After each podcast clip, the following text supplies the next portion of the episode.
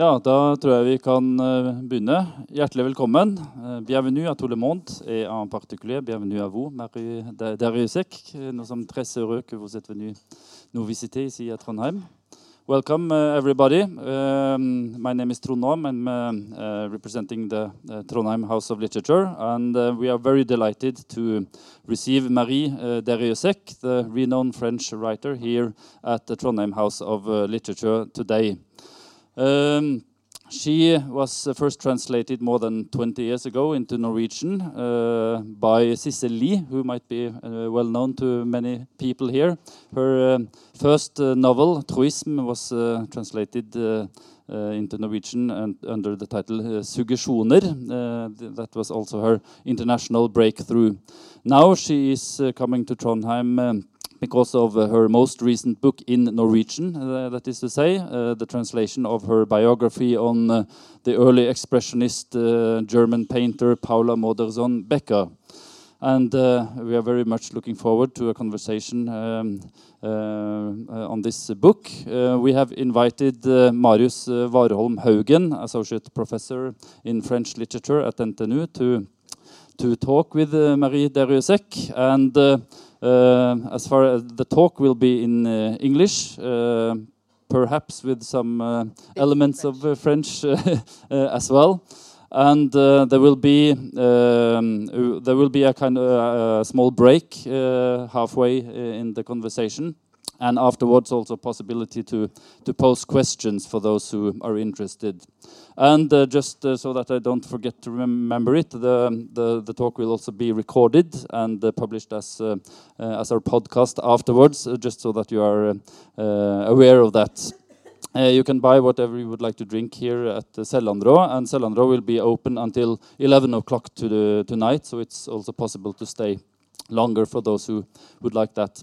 And we also have a few copies of um, Marie Darrieussecq's uh, book here for sale. So um, I, I, I, suppose it, it might be possible to have a signature as well uh, if you ask uh, nicely af afterwards. So I think that was uh, the practical things. I think I will give the word uh, further to you, Marius and Marie Darrieussecq. Uh, welcome very much, and please. Thank you. Thank you.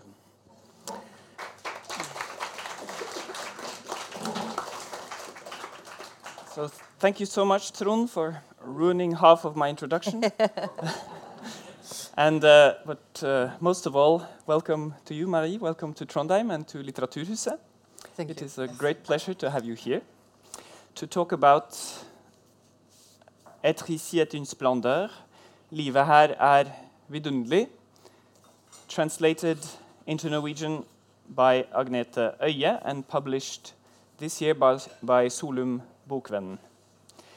Um, so this is a uh, biography, or perhaps we could call it a literary biography, or a, even a non-fiction novel, about the German painter Paula Modersohn Becker. And as I think you mentioned also, um, Paula Becker is not so well known outside of Germany, and I have to admit that I this was my your book was my first encounter with her. So maybe we could start with you telling us a little about uh, who was Paula Becker. Mm -hmm. Well, thank you all for being here. I just would like to add the fact that I was here 30 years ago when I was 20, and I hitchhiked my way from Bergen to here with my fiancé at the time. So I'm so happy to be back after all these years in a completely different context. um, and I had sun this morning, so it was really nice. It was very well organized.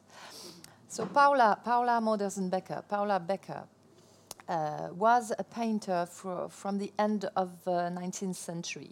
She died very early, at the age of uh, 31, after a, a, birth that went wrong. The, the baby uh, lived, actually Mathilde uh, Modersohn Becker lived for 94 years, but Paula Becker died um, three weeks after giving birth. Um, Rilke, uh, the great poet Rilke, was, we can say, her best friend. And uh, if you remember Rilke's Requiem, Requiem to the death of a dear friend, the friend is Paula Becker. And Rilke writes about her um, how, how, how can I translate in English? Her banal death, her um, old fashioned death, dying in birth, and uh, says how much it's a pity to have lost such a great painter who knew, he says, how to paint women and fruits and babies uh, with new shapes in a way. And he also mentioned the, the amber necklace she always wore and that you can find on many other paintings. This is a PowerPoint I made with my very few skills in PowerPoints. So, for example, this is one of the museums in Wuppertal where I had permission to see her paintings in the reserve, in the, down, you know, les réserves. In the storage? In the stores, exactly. And uh, also, um, I, I can talk for hours about her because I love her. So at some point you have to stop me. but I, I organized, I co-organized an exhibition of her works in Paris because I felt the book was not enough. I wanted to show her paintings also. And the, the book and the exhibition were a big hit in, in France. And my mission was accomplished. People at last knew her uh, outside of Germany, at least, beginning by France. Mm. You're known as an an author who um, well is very well attached to the notion of fiction. Yes, the most true. of your books is are uh, yeah, Yeah. pure fiction, and you're very attached to that. I've also heard you say in Absolutely. interviews. So, what made you kind of go out of that frame to, to write this book about? Really, Paula it was her, really. Because um, my first encounter with her was really out of accident. I received, I used to be a shrink before, a psychoanalyst, and I received an email, uh, like um, a, a, a, spam, a spam, you say? Yeah. An, adverti- an advertising for another um, uh, seminar of psychoanalysis about motherhood and psychoanalysis, and, and, and there was a very small illustration, a very small painting. Um, it was uh, a painting of a woman reclining with a baby and breastfeeding the baby on her side in a bed. You know, not standing like a Madonna, which is really uncomfortable to breastfeed a baby, but you know, reclining and, and sleeping. And, I, and I, actually, at that time, at some point, you will see the picture. Th- those are my real kids, because I, I brought them to Germany. It's a long story to, to see the paintings, etc. My whole family, it was like they were doomed with Paula Modersohn-Becker. But anyway, uh, they, they, are, they are my two elder kids, and I had a small baby also, my third child, and I was breastfeeding that little daughter. And I thought when I saw this very small picture who painted that? Who knows that it's so much more comfortable to, to be lying on your side to breastfeed and not standing like a Madonna? So I started a little bit of research. That was in 2010, so it's 10 years ago actually. Hmm. And I found her name and I thought, oh, she's a woman, okay. And uh, oh, and it, it was in 1904, so it's very early, it's very modern. It's a, it's a very modern vision of, of, of woman and the way of painting. And it started this way, more and more, you know, as we all do today, on the internet. And I don't speak German, so I could decipher some things, and there were some, quite some things in English. And I understood that the main museum, the, the, the museum of Paula Modersohn-Becker, is in Bremen. And I had a, the opportunity to go to Bremen, and I rushed to the museum. and, and there I understood that I had to write about her. It's a mission. it, it was a mission. And at first, uh, you're absolutely right. I wanted to write a novel about her, you know, the novel of Paula Modersohn-Becker. And I realized that I didn't have the right to do it, the moral right. Because if she was a very well-known painter, if she was Picasso, I could have write a novel, you know, about the hidden loves of Picasso or whatever. But nobody knew her in France. And actually, she's well known in Germany, but not, not like Kandinsky or Klee, you know. Mm. So I didn't feel right to write a novel. I, I, I wanted to tell, well, the truth, if possible, about her. And I discovered that she wrote diaries. Mm. So I was saved. Yeah. So I had a bit of everything because her diaries are full of holes, like all diaries. There are things that she doesn't say even to herself. And I didn't want to invent things that I didn't know. So it's strictly nonfiction. Yeah, you say something about um, about Paula and her friends, they had a stay in, in Fischer, Fischerhude? Fischerhude. Yeah. Uh, and you say in, in the French, deux grands moments de ce séjour à Fischerhude. Le lit de Paula s'effondre.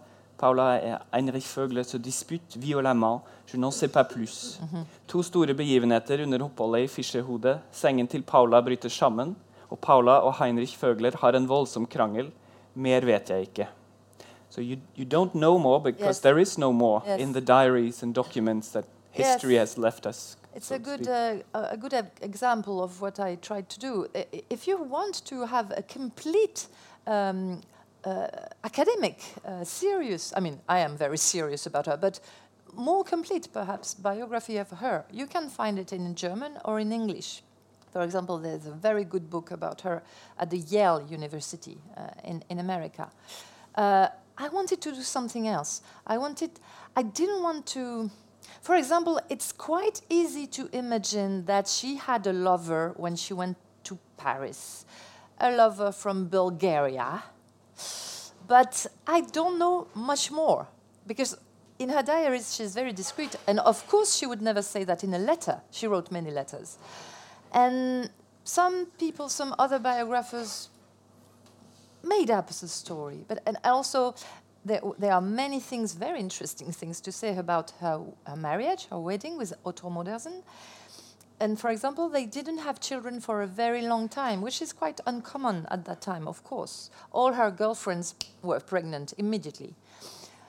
And there, there are some, you know, explanations of it. I just don't know. I was mm. not in their bed. Mm. So I'm just saying it, you know? Yeah. I, I'm talking about her, but not what she did in a bed. I don't know. S- That's not a novel. In a novel, I, I do a lot of things like that, but not in this book. which reminds me about Ingar Sletten this great Norwegian biographer who wrote about. Was it in Hamsun's biography that he, he told, told me once he dreamt about being in the bed with Hamsun? Oh no! So it's not a biography. but but but it's it's a good point. I really find her very sexy. I mean, I'm I'm attracted to her. Why not say it? In a way, I'm in love with her. Hmm. But I don't want to. I respect her. You know, I, I cannot make up things. I don't know. I don't know. Mm. so if it's not a biography in the traditional sense and it's not a novel, would No. you what would you call it? It's it's it's some sort of a, yeah literary biography. I, I, I- like that. It's it's okay. It's uh, I tried to write the story of her life, respecting um, the holes in a life. I mean, lives are not made of paper, and lives are not made of words. We speak a lot. I speak a lot, but people tend to speak a lot. I heard not so much in Norwegian, but well, anyway. But people people speak. They speak to each other, etc. And we speak in our mind. Our life, yes, is made of words, but how much? 20%, 25%? The rest is perceptions, feelings, images, like in dreams, you know, colors, and things we cannot put in words. Uh, even as a writer, I know there are some things uh, that are escaping me all the time. So I, I, I wanted to write a life knowing that it's not even a matter of what's missing in her diaries, knowing that I would never really could touch her. And she lived one century ago. So I, I like the idea that I write traces, you say, the traces, hmm. traces, what's left. It's like foam uh, at the top of the waves, you know. That's what I tried to catch. Hmm. Mm. You also say that uh, reminds me that you say somewhere that she was a a bull, um, Bulle, a bubble. a bubble between two centuries. She, yeah. Um, Mm, she, yes, because she, it was very, it's a shame that she died so early, so young, uh, after painting about 1,000 paintings. She, she was very prolific, and uh, uh, about one third was lost during the war. But she died between um, the big butchery of the two world wars. Uh, she died before the world completely changed. And in a way, she died in a form of, let's say, innocence before Germany became Nazi.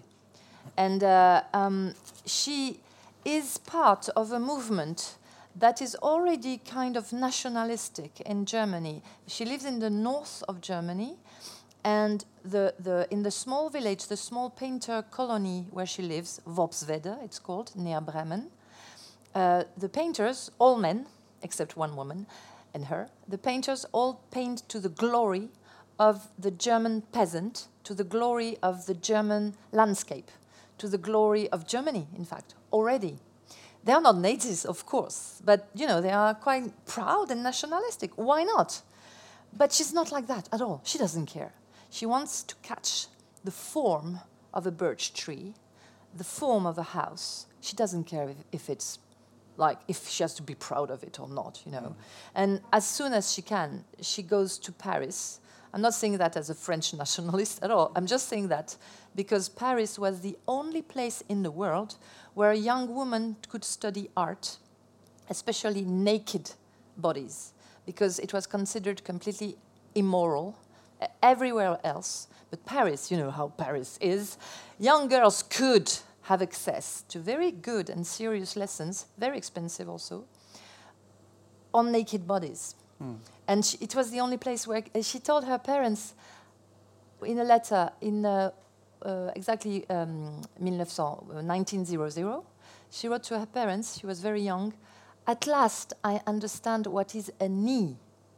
She could wash her own knee, but she could not have access to the knees of other people, you know. So she, she could wash a knee, and she watched it and studied it on um, a dead body. Because it's going to be a little bit technical, but it says something about the women world, uh, and I also speak as a feminist. Um, at the Beaux Arts, the best public um, painting school in Paris, the Beaux Arts, women could go there for free, but they could only paint dead bodies, the dead bodies that came directly from the Academy of Medicine, ne- the next door. So the, the Academy of Medicine brought the dead bodies to, the, to the students, male and women, who could paint. The, the, it's very interesting. The, the dead bodies of the women were entirely naked. The dead bodies of the men wore um, um, um, une culotte. so that's how she started. And she couldn't bear it because the, the smell gave her headaches. So then she paid to go to a private school where girls were admitted, but it was very expensive. A very good school, it still exists. But it was the only place on the planet where a girl, not married, all the more, could have access, and they were alive in that school, alive naked people, Yeah. uh, completely naked women, and men with une culotte. Yes. It's interesting. But you and and you mentioned that well actually you just you not only mentioned but it's a, an important part of the book that she was the first um, woman to paint herself naked Absolutely. and you put a lot of emphasis on that. Yes, I'm not the only one. When people, when academics get interested in her, uh, it, she's a landmark in the history of art. She's the first woman who painted herself naked. But Paula didn't know it. Paula didn't wake up one morning and said, "Oh, I'm going the first woman who paints herself naked." No, at some point she didn't have any more money, so of course she painted herself in the mirror naked, and also she asked somebody to take herself naked in photograph. And we have the photographs. She was very beautiful. Nobody knows who took the photographs. It's quite a mystery when you get interested in her. Hmm. And so that's how we have the very first naked autoportraits of a woman, and all the more she's pregnant, or apparently pregnant. It's, a, it's another long story. And, but because it, she didn't have money, so she painted herself. Mm. Yes, can we go into she- that story? Sorry. Yeah. Also, yeah, we'll go to that Yes, story. good. Also, she, also when she was in Worpswede, in this small village near Bremen, she gave a little bit of money to young, little girls actually for, from the orphanage to get naked in front of her, and she was ashamed, but she had to. She, she, because she was so interested in the human body, and so she paid little girls to get naked. She would go in prison today, but but she was for her heart, for her heart.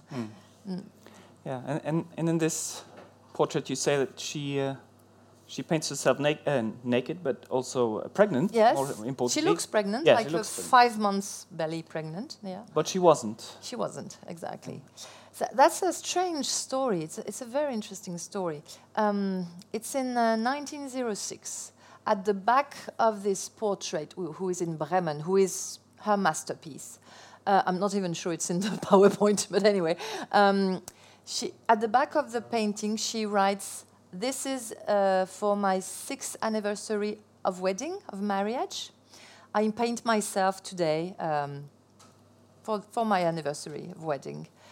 It means that she thinks about getting pregnant. She imagines herself pregnant. It's a sort of autofiction, like we say in French, of painted autofiction. But she's not pregnant in reality. It's very easy to check. She has a flat belly at that time, but she imagines herself and she sees a, a little bit like a little girl who puts a cushion, you know, and see what it. She paints her. She's okay. how would that be? And it's very touching, uh, emotional to me, because she wants a baby and she doesn't want a baby. In her diary, she keeps telling, she keeps writing about her friends who are pregnant, who have babies, and who stop living in a way. Uh, it's not, uh, they, they don't have nannies, uh, uh, they are not that rich uh, in Worpswede, the other people. And um, Rilke's wife, Clara, gets pregnant immediately and is lost as a, as a sculptor. Clara was a, a good sculptor, you say? Sculptor, yeah. She was a very dear friend of Paula, and as soon as she has a baby, she doesn't sculpt anymore. She doesn't even ride her bike. She loved riding her bike. And she writes to Paula, I don't have time anymore to write to you and to see you. It's, it's, it's terrible. And Paula is absolutely um, angry, revolted about that. Hmm. They exchange very violent letters, very violent. Hmm. Hmm. Isn't there an excerpt from that one of those letters in the? I'm not sure, but we can read the part about her wedding. I can read the little part in Yes, French that's one I want. thought about. Yeah. Yes. It's directly from her diary. There are many pieces of her diary directly in my book. So I read it in French. And then will you And then I'll read it in Norwegian okay. afterwards. So. La première année de mon mariage, j'ai beaucoup pleuré et des sanglots comme ceux de l'enfance. L'expérience m'a enseigné que le mariage ne rend pas plus heureuse. Il ôte l'illusion d'une âme sœur, croyance qui occupait jusque-là tout l'espace. Dans le mariage, le sentiment d'incompréhension redouble, car toute la vie antérieure au mariage était une recherche de cet espace de compréhension.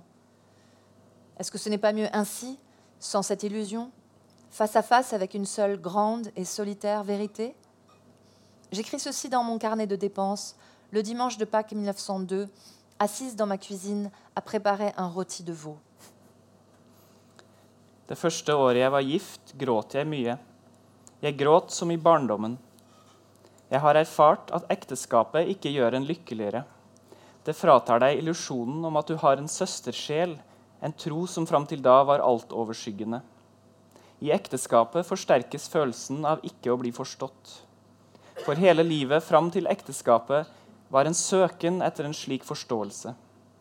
Er det ikke bedre slik, uten denne illusjonen, ansikt til ansikt med én stor og ensom sannhet? Jeg skriver dette i husholdningsboken påskesøndag 1902 mens jeg er på kjøkkenet og lager kalvestek. That's Rilke. That's her painting of Rilke. yes, well, the, the veal roast. Yeah. Yes, The veal roast and, and the Rilke. Maybe that's a good uh, transition. Yes, it's true. Now, the, what I really loved uh, in her diary, um, which is some sort of, sometimes it's a bit awkward. She writes, she's very sentimental. She's very young girl sometimes. And the, but what I write is the contr- what I like is the contrast between her very material life and the people she knows who are either well-known painters in Germany or Rilke. Rilke, who was an extremely famous poet. At that time, they were exactly the same age. Uh, he was not that famous, but he was already famous. And uh, Lou Andreas-Salomé uh, had pushed him out. Lou Andreas-Salomé, who was the companion of Freud, of Nietzsche, of uh, Mahler, of so many great people, and, uh, a very, very interesting woman, uh, psychoanalyst also, and a writer. And uh, she was about 10 years older than he was, the young poet. And she broke up with him, saying, You must live, live your life now. He was desperate. And he was about 24. And he went to Worpswede, where he knew a painter, Henry Vogeler. And he met Clara, the sculptor, and Paula, the painter, who were also 24. Two very beautiful young women, young girls, always in white, white summer dresses, and uh, one with very black hair, Clara, the sculptor, and red hair, Paula, smaller than Clara. Like two ideal women. He fell in love with two of them, with the, both of them. He needed them both, you know, the, the dark hair, the blonde hair, red hair, the, the tall one, the small one. It was perfect. They had, he, they had everything in, you know. And there are wonderful letters exchanged during all that summer 1900. And he, you can see Rilke writing to Lou Andreas-Salomé, balancing, hesitating between those two wonderful young girls. And Paula is really flirtating with him. He's, she's very flirtatious, really. And I, I like that. She's funny. She's funny. And she doesn't say to Rilke that she's already fiancée. She's already fiancée to Otto Modersohn, the one who is going to be her husband, the one of the roast veal, the veal roast. But she, she's so flirtatious. And all of a sudden, in November, she says to the poor Rilke, I'm going to get married with Otto. and his heart is broken again. And he marries Clara. He marries the other girl. And of course, it's a disaster. Mm. The wedding is, the, the, marriage, she falls pregnant immediately. Rilke cannot stand the cries of the baby. You know, he says really candidly, I cannot write anymore. You know, it's too noisy. So he goes to Paris like they always do. and Clara is stuck with the baby alone. And of course, she has no time for, for Paula. So, all this, I, I, it's a very thin book, but I assure you, the letters and the diaries were like that. And I kept what, what was most, I don't know, poetical perhaps, and also the real life. You know, th- those people were trying to, to live mm, as they could. And they are so much like we are, in fact, you know, full of contradictions and, uh, yeah, and, and cooking while they should paint. I- It's a small book, you say, but um, what fascinates me with, with your book is that you, in addition to telling us the story about uh, Paula uh, Modersohn Becker, you also tell us uh, a history of um, Paris at the fin du siècle, Oui. uh, of Germany, the innocent Germany between the innocent two Germany, wars, yeah. and of uh, a very important moment also in um, uh, women's liberation yes. And with the references to Victoria we- Woolf, uh, Virginia Woolf, Oui, Virginia and Woolf. Uh, and uh, Ibsen's Nora, and uh, Sure, Ibsen's Nora. uh, Mm. I, uh, yes, I should add that um, um, Paula, when she first arrived in Paris, she went four times in Paris for quite lengthy periods. When she went to the Louvre, uh, all she saw, of course, was naked women painted by men. At that time, I, I did research about that. At that time in the Louvre, there were only four women exposing their paintings and about 1,000 naked women being exposed.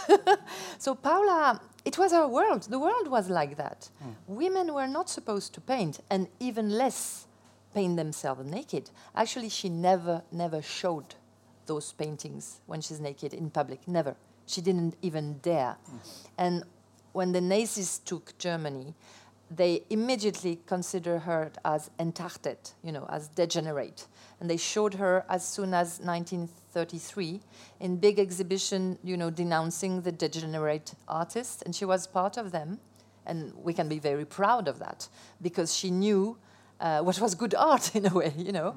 So she never, never showed her paintings naked. And what she showed uh, only three times in very small exhibitions in Bremen with other ladies was considered like lady art and was uh, considered at the best pretty and at the worst nauseous. Uh, one critic said he, he- wanted to puke when he saw that. It was very violent. So she never, never had any success in her life. Any, any, any. It's, it's very sad. Mm. She was very brave because she went on painting alone. And as an artist myself, as a writer, I, I wonder if I would be brave enough to write if I had no public at all, you know, not even a publisher. I'm not sure.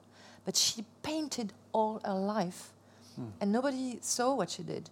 Her husband, Otto, who was a classical good painter, academic, uh, thought it was. Um, in the beginning, yes, it was nice and pretty, but as soon as she met Gauguin, Cézanne, Le Douanier Rousseau, Van Gogh, he, says the husband that she became depravated, you know, and, uh, and and a bit disgusting. Yeah. Mm. He didn't understand her painting at all, Mm. and he wanted her to be a good cook and a good housekeeper, which was a very big misunderstanding.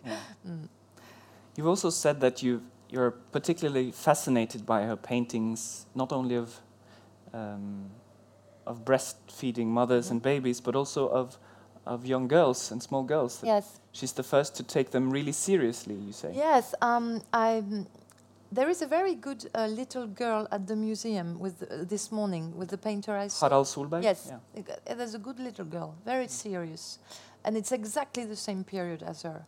But she was, I can say, obsessed with little girls because she thought that nobody could really. The paintings she saw in the Louvre or elsewhere didn't take the little girls seriously enough. There was always uh, a speech about them. For example, all the paintings of the little girls at that time show them as pure or innocent or pretty, of course.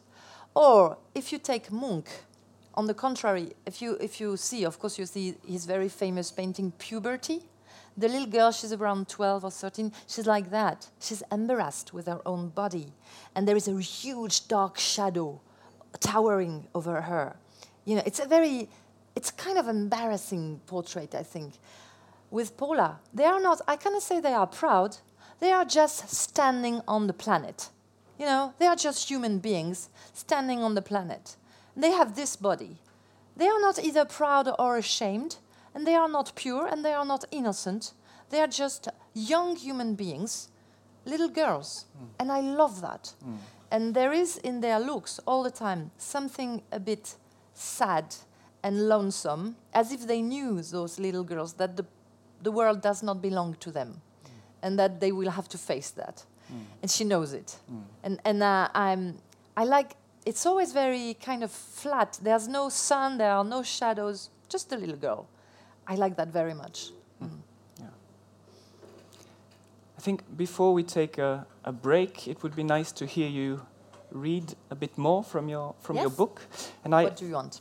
Well, as I, I mentioned uh, when we talked about this earlier, us Norwegians we love uh, hearing about ourselves. Oh, yes, it's true. Um, As we do in France. Yes. Uh, but yeah, the because Hamsun uh, part. yeah, the Hamsun part. because Hamsun is good because then we can be proud but not too proud. Yes, we'll see. yes.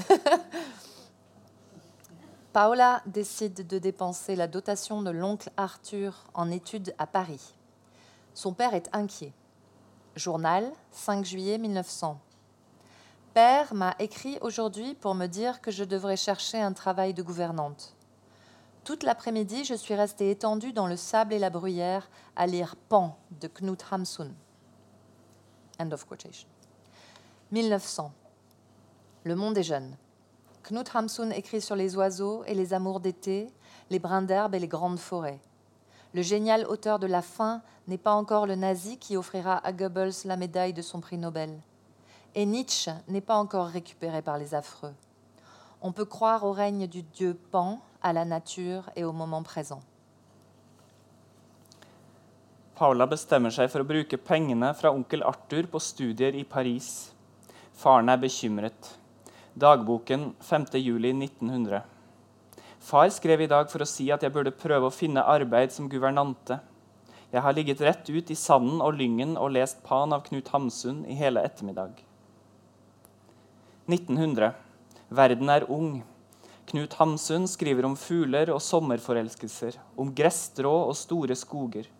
Den geniale forfatteren av 'Sult' er ennå ikke blitt nazisten som senere skal tilby Goebbels nobelprismedaljen sin. Og Nietzsche er ennå ikke blitt annektert av de grusomme. Det er mulig å tro på skogsguden Pan, på naturen og på øyeblikket her og nå. So she read Hamsun, Yes, she read, she read a lot. Yeah. She was quite a reader. Mm. and you also have read a bit of Hamsun. I have, Yeah. yes, of Is course. that, has he been of an inspiration to your Actually, I'm my asking for a first- friend. Yeah, yeah, sure. I, I, I, we have the same problem in France, you know, with Céline. Céline was uh, a top Nazi, you know. It's a, he's a great writer, but he was at the very end with the Nazis in the castle where the very few left Nazis were. So, um, and he was awfully anti-Semitic. So we have the same problem in France with Céline. Le Voyage au bout de la nuit is a masterpiece. Voyage to the end of the night, absolute masterpiece. Like Hunger with Hamsun, and he's, I mean, he's a horrible man. So we have the same problem. And I read Hamsun, and I love Hunger. I really, it's, I think, well, you know better, but I, he's a, a precursor of Kafka. Uh, when you read Kafka, you understand. You, it's the same line, but Kafka was like a saint. So, um, and then my first novel, my very first novel, Su- Suggestion. uh, Suggestioner. Mm. There is a quotation of Hamsun at the very beginning of Benoni, who actually is not a book that French people read a lot, if, even if it's in paperback in France. And there is a quotation about um, a pig being killed in a farm. A very strong quotation. Yeah, I like it. So it's, he opens your. He even Oh, opens uh, my first novel, yeah. actually. yes. Um, I think we will uh, take a break now for about 15 minutes. We'll, we can start again at 8.25 perhaps, so you'll have plenty of time to refill your glasses and do whatever else you need to do. That's the landscape in Worpswede where she lived, and she painted a lot of these canals. And I went there with my husband and my three children in a camping car. How do you call it? Yeah, a camping camping car, car. I think. And it was in August, in uh, August two, 2014. And we were absolutely the only tourists in this part of Germany, except two Polish guys that we met.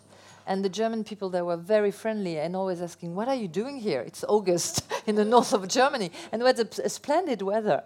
And we, we went uh, with this camping car, we drove from paintings to paintings, small museums to small museums, because the main museum, sure, is in Bremen, but there are paintings of her in all the rest of Germany, actually, and especially the north and the west. And uh, so that's how my kids uh, knew a lot about her. yeah. So you mentioned um, actually how she was, how paintings were not so appreciated, to put it mildly, Yeah. by the by the Nazis. yeah. Uh, They say it's a disgrace to the German women. women. Uh, one of them, you saw it, uh, uh, standing. she's standing naked with her necklace, and th- this one was shown in all the cities of Germany in a tour as entartet.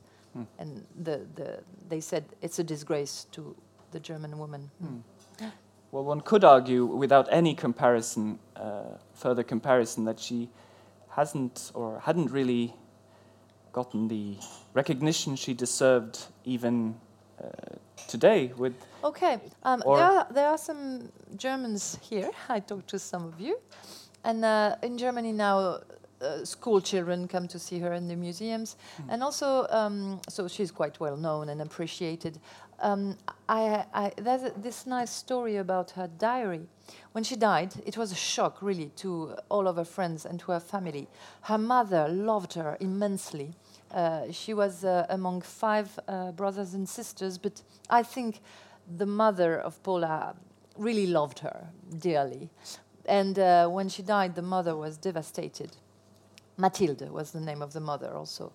And uh, she decided to publish parts of the diary, parts, uh, not the embarrassing ones, you know, but the parts who showed her as a young woman sacrificed to art and misunderstood all her life. The book was an absolute bestseller. So there is another misunderstanding there in her life and after her life. She was best known for her diary than for her paintings for a very long time. And the diaries uh, were a long seller, as we say. Rilke, in 1920, I don't want to say mistake, but around 20, was in a castle, as he always did, in Switzerland, in the German part of Switzerland. And he was sleeping, you know, in the castle. And on the bed, near the bed, there were the diaries of Paula Modersohn Becker. So he read them again, you know. And he was completely overwhelmed. And when he, in the morning, he asked, Who, who is this book? Who's this? And it was the book of the chambermaid, of the maid. So that she was Paula Modersohn-Becker was very popular in the uh, among the working class, including. She was like a hero, and um, the paintings it took more time. But uh, when she died, uh, Rilke a little bit, uh, no, but most of it, um, uh, a very good friend of her, a sculptor called Hed- Hoetger, sorry for my pronunciation, uh, decided to um, de la populariser, to have her known better. And he contacted um, bankers and people with money to show her paintings. They opened her workshop, and everybody was amazed to see 1,000 paintings and 6,000 drawings. She was only 31. Even her husband, Otto, was mesmerized. So, a very, very wealthy man called Roselius decided to make a museum for her. That's the museum we know in Bremen. Roselius uh, was the inventor of decaffeined coffee, which I drink a lot. So imagine the fortune, you know. So he, he, it took 20 years to build the museum. In, in, it opened in 1926 in Bremen, and it was the first museum dedicated to a woman artist. So in a way, she, after all, she was successful in Germany, but n- not, not anywhere else. I was thinking about this uh, museum you went to where you found her painting. Yes. should, should we read it, or is it a bit Yes, too long? no, no, it's, that's, uh, it's just about good. half a page. So during this, no, I was alone when I went there in um, in Essen, Essen. En mai 2014, je suis à Essen dans la Ruhr. I kept going to Germany all the time, and I don't speak German, but Maybe I translate uh, every. Okay, let's do that. Yeah. En mai 2014, je suis à Essen dans la Ruhr. La Ruhr, pour les Français, c'est la mine. Mais ce nulle part industrieux et surpeuplé, terminus du Thalys depuis Paris, possède un des plus beaux musées du monde, le musée Wolfgang, Wolf, Folkwang. Immense baie vitrée, structure de métal léger, et dans ce musée, il y a une toile de Paula, un de ses autoportraits les plus forts. I mai 2014 er jeg i Essen i Ruhr-området. For franskmenn er Ruhr ensbetydende med gruver. Men dette industrielle, overbefolkede ingenmannslandet, endestasjonen for Thalys-toget fra Paris, har et av verdens vakreste museer, Folkwang-museet. Enorme glassdører, lett metallkonstruksjon. Og i dette museet finnes det et maleri av Paula, et av de sterkeste selvportrettene hennes. Je suis avec Michel Vincent, le directeur du Centre culturel franco-allemand de Essen, et Hans-Jürgen Lechtreck, un conservateur du musée. Hans-Jürgen est beau, jeune, drôle et subtil. Il est aussi embêté. Il nous fait descendre au sous-sol pour voir l'autoportrait. C'est une installation, il cherche le mot provisoire. Jeg er der sammen med Michel Vincent, direktøren for det fransk-tyske kultursenteret i Essen, og Hans Jørgen Lechtreck, konservator ved Folkwang-museet. Hans Jørgen er kjekk, ung, morsom og skarpsindig. Han er også forlegen. Vi må gå ned i kjelleren for å se selvportrettet. Opphengningen er Han leter etter ordet provisorisk. Au sous-sol du musée sont exposées les œuvres de femmes. Le plafond est bas, la lumière est mauvaise. Nulle part ailleurs, je n'ai vu à quel point l'art féminin est considéré comme inférieur à l'art. En haut, dans la lumière, Van Gogh, Cézanne, Gauguin, Matisse, Picasso, Braque, Kirchner, Nolde, Kandinsky, Klee. En bas, dans l'ombre, un désordre de statuettes anciennes mêlées à des vidéos contemporaines. Déesses, maternités, reines, le seul fil conducteur est que ces œuvres sont faites par des femmes ou représentent des femmes. I museumskjelleren er det utstilt verker av kvinnelige kunstnere. Det er lavt under taket, belysningen er dårlig. Ingen andre steder har jeg sett så tydelig hvordan kvinnekunst betraktes som underlegen. Oppe i lyset van Gogh, Cézanne, Gauguin, Matisse, Picasso, Braque, Kirchner, Nolde, Kandinsky, Klee. Nede i mørket et kaos av antikke statuetter blandet med moderne videoinstallasjoner. Gudinner, moderskapsmotiver, dronninger. Den eneste røde tråden er at disse verkene er skapt av kvinner eller framstiller kvinner. Dans un angle mort, derrière une grosse télé, le chef-d'œuvre de Paula, l'autoportrait à la branche de camélia. La situation est d'autant plus paradoxale que le musée se recommande de cet autoportrait pour ses publicités. Il ondule à la verticale sur une bannière de 2 mètres dans l'avenue. I en avkrok bak en diger TV henger Paulas mesterverk, selvportrett med kameliagren. Situasjonen blir ikke mindre paradoksal av at museet bruker dette selvportrettet for å reklamere for seg selv. Det vaier loddrett på et to meter langt banner ute i gaten. En vrai, le tableau est petit, 60 cm sur 30. I virkeligheten er det et lite bilde, 60 ganger 30 cm. Elle nous fixe du regard. Et, eh, ah bon? Tu l'as pas C'est pas grave. Quelle détresse, dit Michel. Un regard très triste, confirme Hans-Jürgen. For en fortvilelse, sier Michel. Et veldig trist blikk, samtyder Hans-Jørgen. Les deux hommes se demandaient s'ils ne voyaient pas, au bas des iris brillants, un trait de larme. De to mennene lurte på om de ikke så spor av tårer i kanten på de skinnende irisene. Elle s'est peinte en contre-jour, sciemment. Elle laisse le spectateur dans la lumière. Il me semble qu'elle sourit légèrement. Mes deux plis font tomber les coins de ses lèvres. Yeux cernés, sa main en forme de tulipe tient une branche de camélia. Elle porte un lourd collier d'ambre. Ses sourcils sont légèrement froncés, concentrés. Hun har helt bevisst malt seg selv i motlys. Hun lar tilskueren stå i lyset. Men munnvikene trekkes ned av to folder. Mørke ringer rundt øynene. Hånden i tulipanform rundt en kameliagren. Hun bærer et tungt ravhalsbånd. Øyebrynene er lett sammentrukket, konsentrerte. Pour moi, elle peint. Ça n'empêche pas d'interpréter. L'amertume, la déception de la vie maritale, la solitude artistique. Mais elle ne nous prend pas à partie. Son regard est d'abord fixé sur sa propre toile et sur le miroir où elle scrute la forme de ses traits. C'est l'autoportrait d'une femme qui peint. For meg maler hun. Det er ikke til hinder for at vi kan tolke. Bitterhet, skuffelse over ekteskapet, den kunstneriske ensomheten. Men hun holder oss ikke til ansvar. Blikket er først og fremst festet på hennes eget lerret og på speilet der hun gransker sine egne trekk. Det er selvportrettet av en kvinne som maler. When she appears, I will tell you. But I, I'm sure you noticed her. And at some point, you see the same portrait behind the TV, and that's how she was shown. But so I protested. But a year later, the, the portrait was up in the in the in the light, and the, the curator was very embarrassed mm. that I was there just at this moment. Mm. But it was provisoire. C'était It was- provisoire. C'était provisoire. And you, you also mentioned that you had some.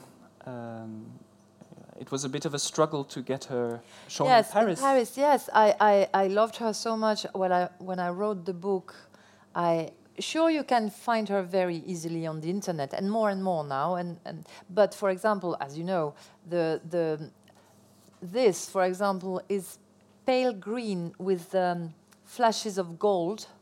And you cannot see it on any reproduction, even the best ones. And uh, the, when she paints turquoise, you know, this shade between blue and green, you, you cannot reproduce it uh, on, on the internet or in a photo.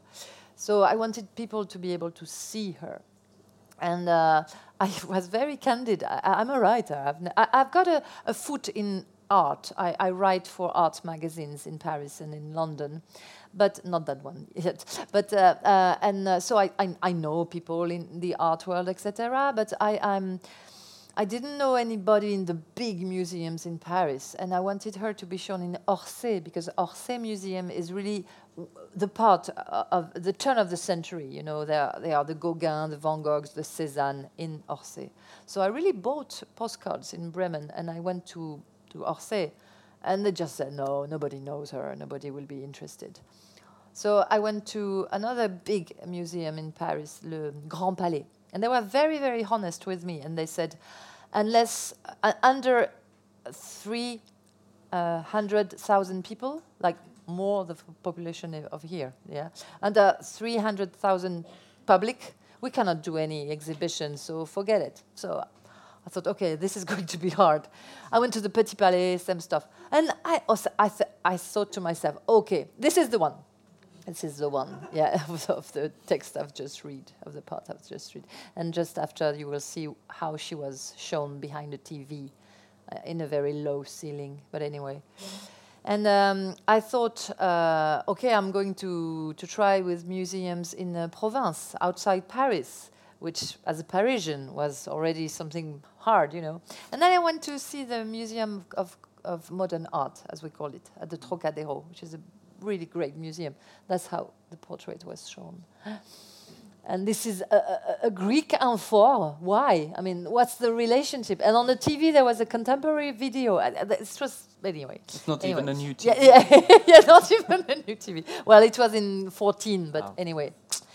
And so uh, this uh, museum, le Musée d'Art Moderne, um, they said yes. They said yes, yes, yes. We are going to do this.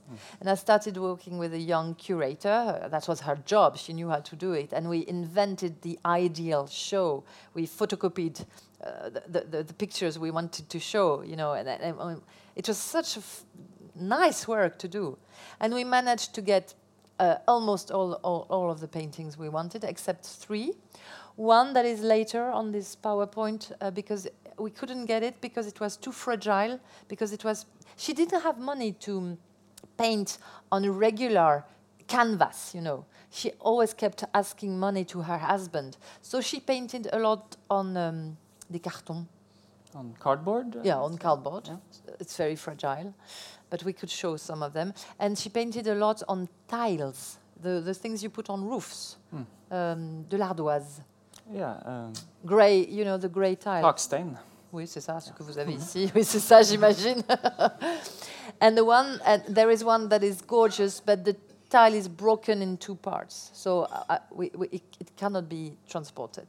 But except this and uh, two others, you know, paintings have history. Painting have stories. And I discovered that I could have written books about each painting, where it is, who owns it, because there was this Second World War, of course, some paintings belonged to Jew people, and they were they were sto- stolen from the Jew people. So some of them are in Switzerland, and you cannot get them. It's it's all a big story. So, but most of them we we could finally show them in Paris, and the, the exhibition was a, an incredible hi- hit. It was incredible. Yeah, Mm. everybody was happy, Yeah. even her, I, am sure. That's Rilke. When he saw the painting, he was horrified. He was horrified.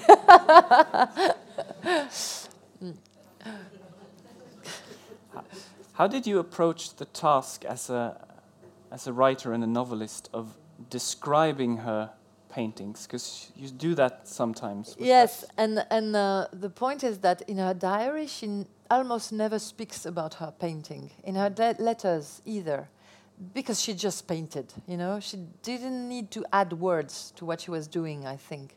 So I, I at some point I was frustrated because I, of course, I I managed to describe the paintings, but it's also very boring in a way to describe a painting. And I wanted to tell her story. So that's how I, I wanted to, to show the Hmm. paintings. Hmm. Yes. Mm. I think we should soon open up the floor for, for This questions. was, a, this was a painting that was uh, brought everywhere in Germany by the Nazis. That was the disgrace to the German women. Yeah, entarted. Mm. But I thought we could just make a, a smooth, short transition because your publisher is here also. She will be happy to, if we advertise also for the, the other book Yeah. that came out in Norwegian, um, what was it, two years ago? Two years ago. Yes. Uh, Livet i skogen, Notre vie dans les forêts. Uh, and this transition that I have been uh, thinking of making is attached to the notion of, of diaries. Mhm. Yeah, it's true. because Mhm. that's uh, something that resurfaces in your uh, your authorship is Mhm. that you it's very often a diary, someone Someone and who, you- who a woman yes. writing Yes. about her Yes. Even my very first novel was built Yes. this way.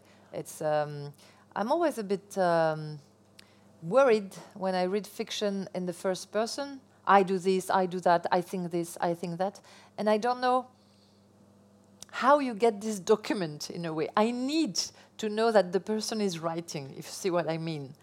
If not, I wonder, well, is there a, a, a microphone in his or her mind, or I do, how do I get this? Even fiction, it's very naive, perhaps, but so I need my characters when they speak in their own name to be writing. And the very first book, she was a pig, and she managed to write, you know, with her paws. And in this novel, it was born actually. It's a long story, but um, in in a, I, I- I visited. I was in a refugee camp in Calais, in France. Of course, you heard about Calais, and uh, and um, I saw this woman under a tree uh, in the rain, uh, under um, how do you call that? Uh, in a bâche, uh, uh, this plastic uh, sort of tent, but not a tent. You know, just a piece of plastic in bâche. Presenning. Presenning. Okay, I believe you. and uh, and with a little brasero, with a little fire, and uh, I don't know. I had this vision, and I thought, this is not the Middle Ages. This is now. This is the modern world, and and the book was born from this sort of vision, and. Um, I don't know. In Calais, I talked to a lot of men. I didn't talk so much to women for many reasons. And um, the book started that, and it's, it's a very close future and it's a woman talking in the woods, hiding in the woods. I was very touched in Calais to see that the woods, the trees, are the last shelter. Really, I mean, like like in the old ages, you know, the woods, and that people gather and take refuge in the woods, and um, and so the woman talks from the woods in in the near future, and she escapes a sort of nightmarish world and uh, and she speaks from the woods. That, that's the main point. And also, it's not. I suppose it's about women again, um, and it's. I, for me, there is a very deep, archaic relationships between all of my books, but perhaps it's a bit surprising for readers to see that I can write quite different things. Yeah, Mm. it's a, it's a dystopian novel, science, a bit of a science fiction novel, And but talking about today. And it's a fantastic dystopian novel. So I can really recommend uh, both this and that. And I think both are for sale, are they not? Uh, yeah. Okay. So that was the advertisement. but now uh, it's time for questions. Sure, I yeah. think. Uh, I, I will not be here again before 30 years again. So, so, so yes. and Trond, uh, there is a microphone circulating. Yeah. Good. So not everyone at once, but. Uh, Sorry. yes? Tack. Um, first of all, thank you for. I, I read these two books, and I really I can feel that it. You really gave us the pearls of uh, what you read uh, from. Uh, it's like uh, really poetic. So um, when you said that she's known uh, for her diaries as well, then I. I, I know uh, I can understand because uh, but I, I have this feeling that it, it must be a really huge work behind what you. Yes, actually. uh, and uh, I just wonder, did she write in French? well, no, she spoke a little bit of French, actually. She went four times to Paris and she studied a bit of French at school. Uh, but there are some parts of the diary in French, but it's a sort of. She was very funny. She had a lot of humor. So it's a sort of ironical, uh, false French that she writes to her husband. They, they, they loved each other in their own way. I, I, have to say that. He was not a bad man. He, th- there was a lot of misunderstanding between them. But, but she wrote fake French to him, which is quite funny. Yeah.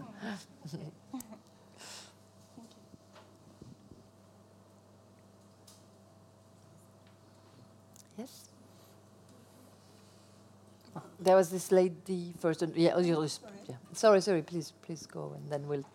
Okay, no, uh, thank you for a very nice um, uh, presentation, and um, I'm looking forward to read it. Um, we, we were discussing the timeline of her life Yeah. uh, and um, the painting uh, with her giving a breastfeeding or a baby. And we were just curious if this was her own baby or since she Oh, sh- yeah. she had only one, right? Yeah, Or- A mm. Good question. Yes, sure. Um, she so she lived only 18 days after uh, giving birth, and she was very sick. Uh, she the, the the the birth lasted two days. It was horrible, etc. And uh, she was very wounded, I think, and she died of uh, embolia because the blood clogged. Uh, horrible, horrible, but alas, uh, banal death. No, she. The painting was made in Paris, and she gave money again to uh, the the migrants of those times who were Italians. The Italians came to Paris a lot, and they were very very poor. And so she could give money to a mother to, uh, who accepted to get naked with her child. But it was a good, in, in a diary, you see that it was a good, trustful relationship. And it's the same woman and the same child in many paintings. So she just painted those uh, people, yeah. Mm. That's the broken uh, tile that we could not transport from Bremen to Paris, yeah. That's another very famous portrait with irises. Mm. Any further questions? The, the, the, you, you okay.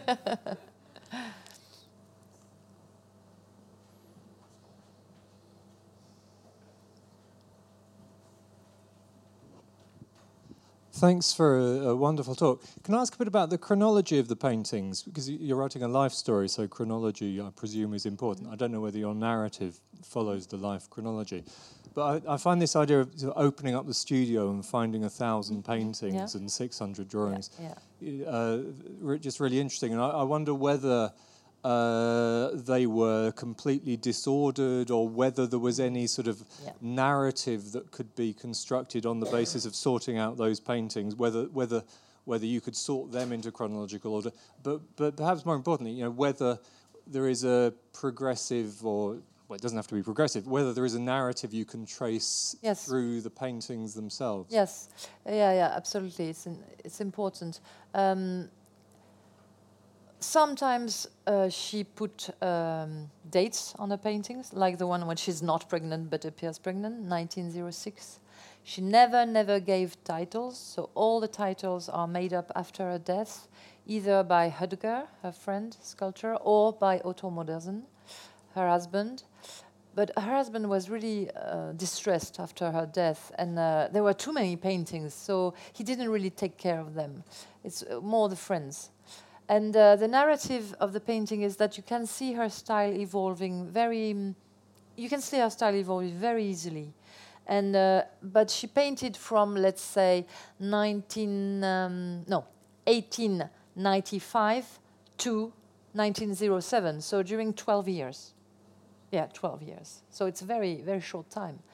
This is her last painting, and she's obviously pregnant. She, you know, the hand on the belly, and she has these, you know, stains. Uh, when you get pregnant, sometimes you get very red. I'm very proud that the MoMA bought the New York MoMA bought this painting after our show. So the MoMA went to visit the show, and they understood she's a great painter, and now it's in the MoMA in New York. And it's a very small painting. I'm very proud of that. This is the, the portrait of the Italian woman with the baby. So you can see her style evolve, and she goes towards, let's say, pre-cubism, pre-cubism. At the exact time of, an, this is 1905, Picasso is seeing African masks and understanding that you can show a face on several sides, you know, but in the same portrait. Unfortunately, she died too young. But they have the same age, Picasso and her, exactly the same. It's a shame. Also, her last word when she died. So when she died, she was um, uh, permitted to get up, to stand up from the bed, and it's very, it's touching because she knew she could get up that day after three weeks lying down, and she had her hair, you know, tressé, braided, thank you, with flowers. She was an artist. She put a very beautiful gown. There were candles. Uh, it was December. There were candles and um, uh, winter roses everywhere. And the, the friends gathered because she was going to wake up. She was supposed to get better. And when she woke up, her lung uh, clogged, you know, with blood. And she died of embolia in front of everybody. It's, it's a, like in a film, you know. And she said, Schade, which means, what a shame. That's her last word. Can you imagine? Schade. What a shame. And I, I had to write. You know, it's a, I think we have to stop. on Yeah, I can talk forever. too thank you. Thank you so much, Marie, for Thank you. coming. Tack. And Thank you also to Trondheim Litteraturhuset and to Yes. For this always a wonderful uh, arena for such such events. And thank you, all of you, for, for coming. Thank you. Merci. Tack.